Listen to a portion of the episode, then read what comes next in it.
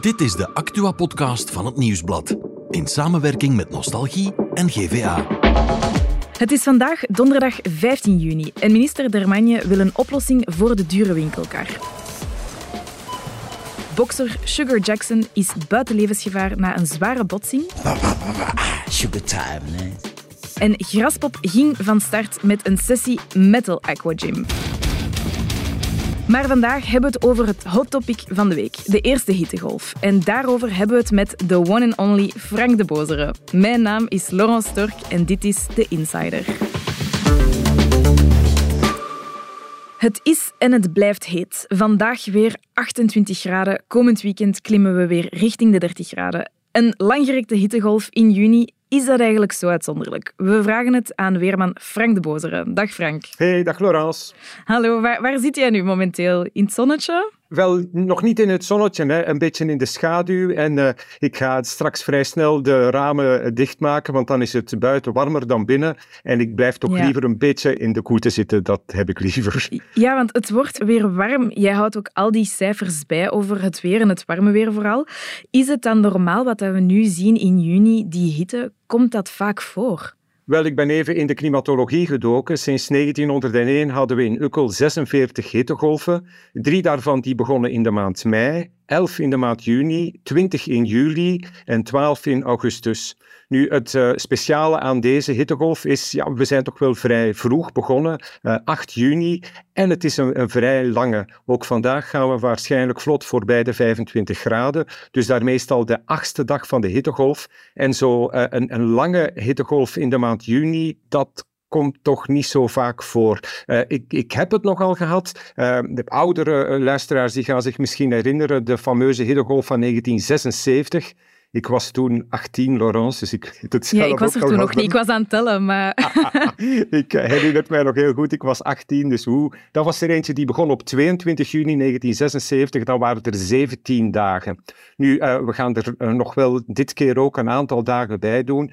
Dus ja, het is toch wel, eh, het is toch wel speciaal. De, de meeste hittegolven zien we toch wel voorkomen in de maanden juli en augustus. Ja, want wat wij zien is, is natuurlijk de zon. Eh, wij voelen onze huid eh, verbranden, wij zien het, het kwik stijgen.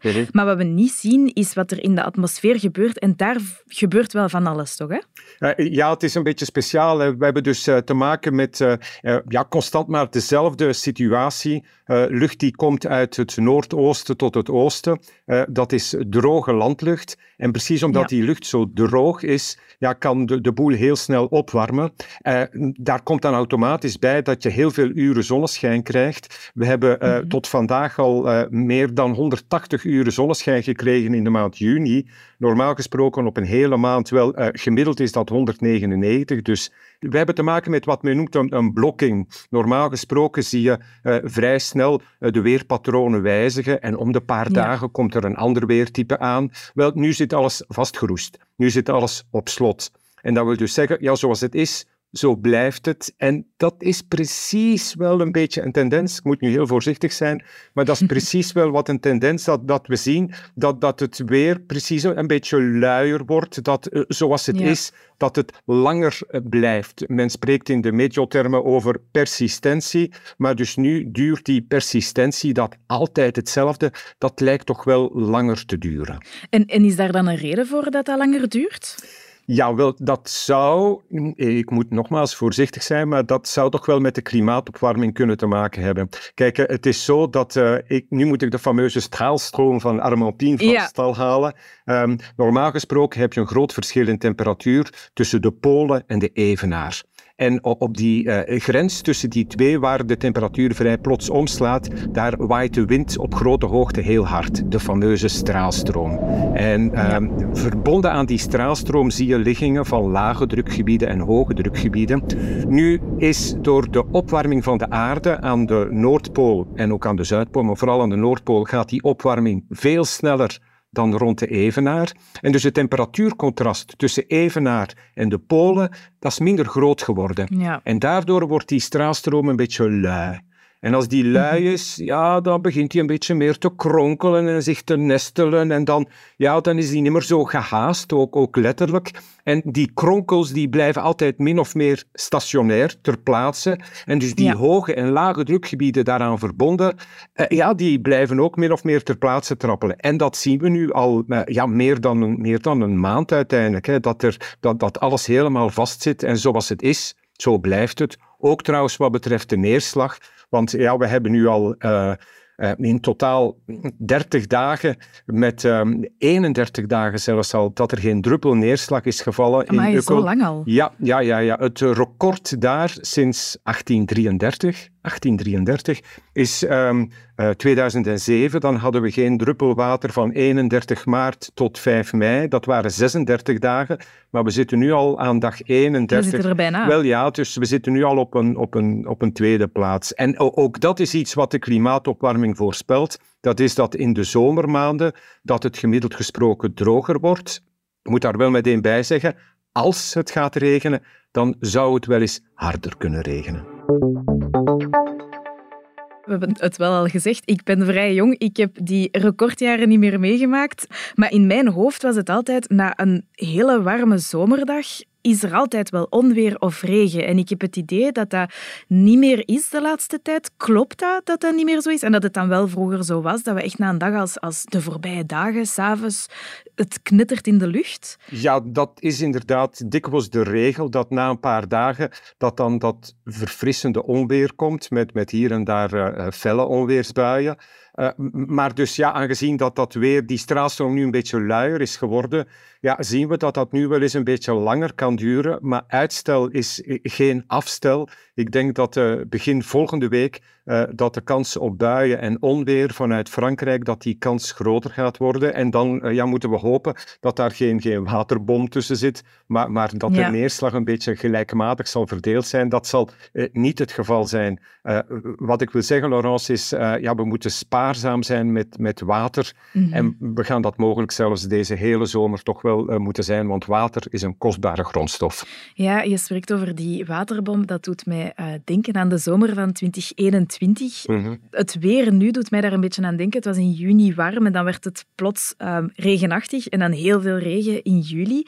Is dat iets dat er zit aan te komen? Wel, goh, ja, kijk meer dan tien dagen in de toekomst. ja, je weet, is al veel. Dat, dat is moeilijk. En nu, er zijn wel degelijk een heleboel weermodellen die dat proberen te doen. En ze zitten toch allemaal in dezelfde lijn. Het, het, ja. uh, het tegendeel zou mij verwonderen. Uh, maar dat we dus evolueren naar een, een warme zomer. Het uh, C3S-model van de mensen van de redding, waar ze de middellange en de lange termijn berekenen, die geven aan dat ook juli en augustus gemiddeld gesproken heet zouden verlopen.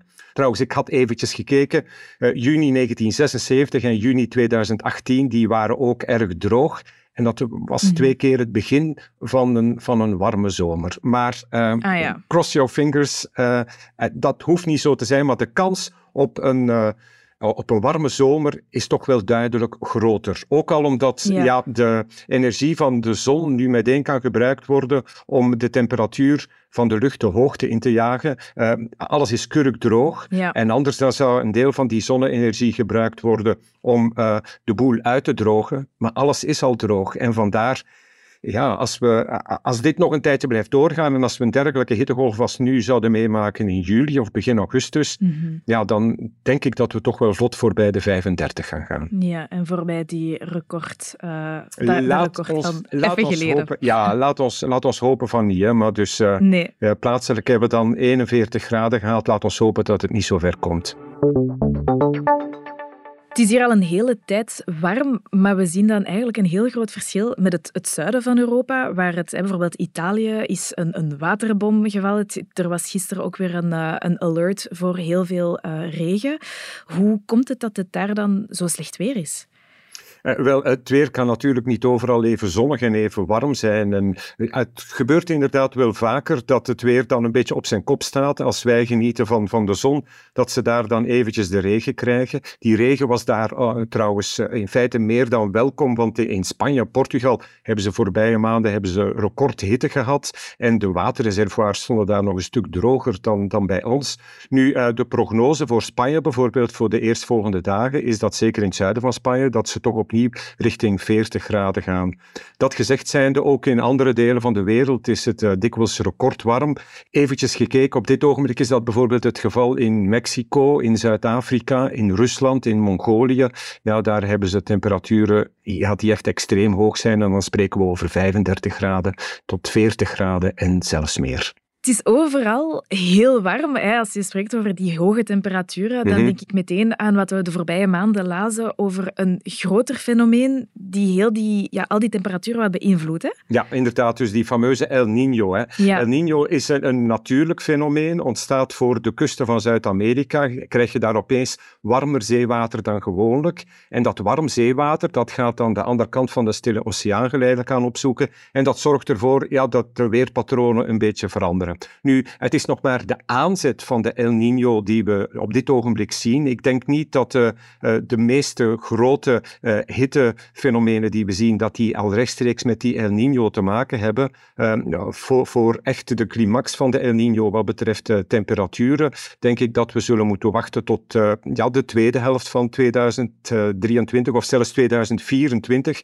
en, en dat we dan een, een extreem warm jaar voor de hele wereld gaan beleven met mogelijk dan uh, anderhalve graad, die fameuze anderhalve graad van Parijs, die zouden we mogelijk wereldwijd al in 2024 kunnen halen.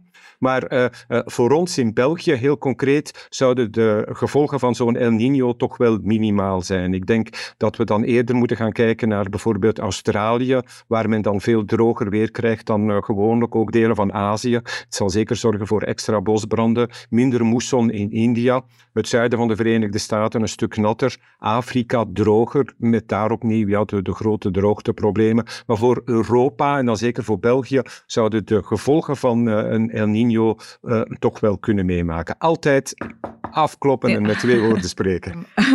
nu, je zei, je zei het, hè, eh, we voorspellen niet graag fel op voorhand, uh, maar ik vraag het me natuurlijk wel af wat de toekomst brengt en dan niet gewoon deze zomer is wat we nu zien hetgeen dat we dan komende zomers zullen zien? Um, want we merken toch wel al een verschil met vroeger, ook als ik nadenk over seizoenen. Ik heb het gevoel dat we niet echt een lente hebben gehad. De herfst um, is ook heel kort tegenwoordig, of veel later. Kunnen we dat inschatten of, of zeggen van zo gaat het er later uitzien? Wel, uh, als je kijkt opnieuw naar de klimatologie, dan zie je dat we nu veel meer zomerdagen hebben dan vroeger, dat we meer hittedagen hebben dan vroeger, dat er minder sneeuwval is dan vroeger, dat er minder vorstperiodes zijn dan vroeger, dat er minder ijsdagen zijn dan vroeger. En uh, ja, al die parameters ja, die, die zien we allemaal geleidelijk aan verder evolueren. En dus meer zomerdagen, meer hittedagen, uh, dat zit er zeker wel aan te komen door die klimaatopwarming. Trouwens, als we zeggen dat uh, voor de hele wereld, dat in 2024 dat we misschien anderhalve graad voor, uh, boven het pre-industrieel gemiddelde zitten, dan is dat voor de hele wereld. Want bijvoorbeeld voor, voor België doen we er al meer dan twee graden bij. En, en voor uh, uh, meer noordelijke uh, regio's, richting het noorden van Noorwegen en alles, is dat al 4 à 5 graden. En, het is dat precies wat ervoor zorgt dat, uh, ja, die, dat die polen veel sneller opwarmen. En, dan smelt er meer ijs. En als dat ijs is gesmolten, uh, het zeewater gaat veel minder zon weerkaatsen, veel meer warmte van de zon opnemen. En daardoor gaat de temperatuur daar nog eens sneller gaan stijgen. Dus ja, we zijn wat dat betreft niet zo goed bezig. Ja. ja, het wordt dus eigenlijk, als ik het goed begrijp, puffen en blazen komende jaren, elke zomer dan. Dankjewel, Frank. Dat is graag gedaan. Als je meer wil weten over beleggen, kan je dat vragen aan de voetbaltrainer van je zoon. Je moet op de beurs spelen zoals op het veld. Hè? Direct vol in de aanval. Mijn tactiek, dat is een 4-4-3. Vier aandelen, vier obligaties en drie kasbons. En wie niet presteert, ja, die wordt direct gewisseld, hè? Ah ja! Je kan er dus maar beter over praten met de experten van KBC. Via Kate en KBC Mobile, via KBC Live of gewoon op kantoor. Jouw leven, jouw plannen, jouw belegging. KBC beweegt met je mee. Voor het andere nieuws is Bert er komen bijzitten. Hallo, dag, Dag Bert. Laurence, hallo. Gisteravond was er slecht nieuws rond Sugar Jackson, hè? de bokser. Ja, ja, er was een zeer zwaar eh, ongeval gebeurd in Mhm. Wommelgem op de Herentalse baan. Drie auto's betrokken en Sugar Jackson zat in een van die auto's. Ehm, het waren echt wel heftige beelden als Ja. je de wrakken zag. Eh, en uit een van die wrakken moest hij dus eh, bevrijd worden. Hij was toen in kritieke toestand, maar vanochtend kwam het nieuws dat hij buiten levensgevaar is. Ja, nu, dat is ook een, een hè? Ja, dat is een. Ja. Hij zei dat toch altijd zelf. Eh, in elk geval, ehm, ja, Sugar Jackson, iedereen kent dat nog wel. Hè. Begin jaren 2000 was Ja. dat zo best wel een succesvolle bokser. Een, een Ghanese eigenlijk, die in ons land was komen wonen. Heeft een paar wereldtitels eh, gewonnen ook.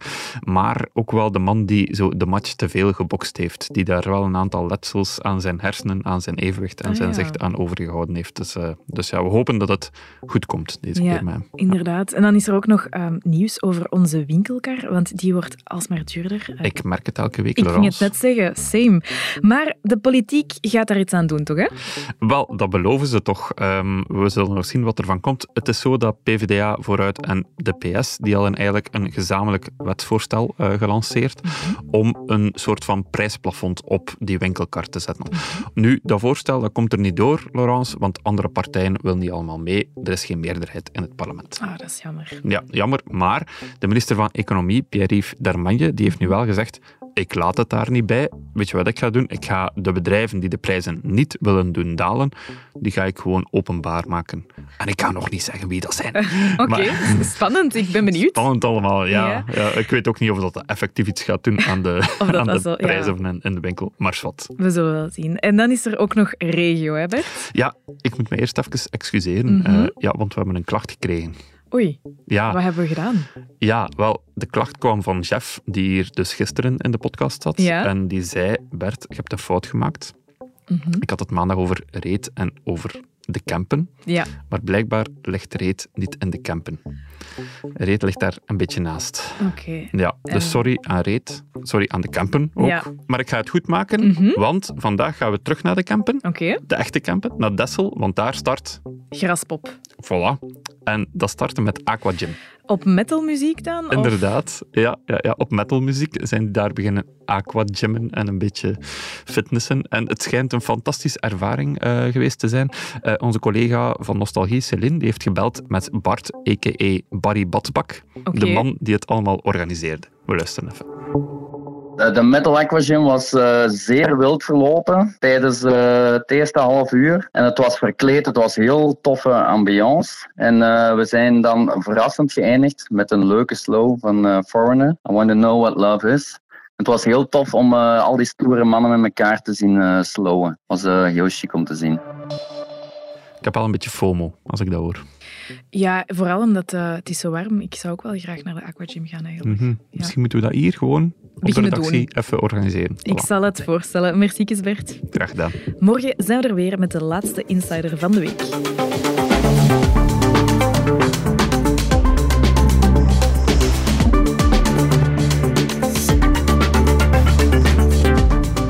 Dit was The Insider, een podcast van het Nieuwsblad in samenwerking met Nostalgie en GVA. De muziek is van Pieter Santens. De montage gebeurde door House of Media. Wil je reageren? Mail naar podcast.nieuwsblad.be.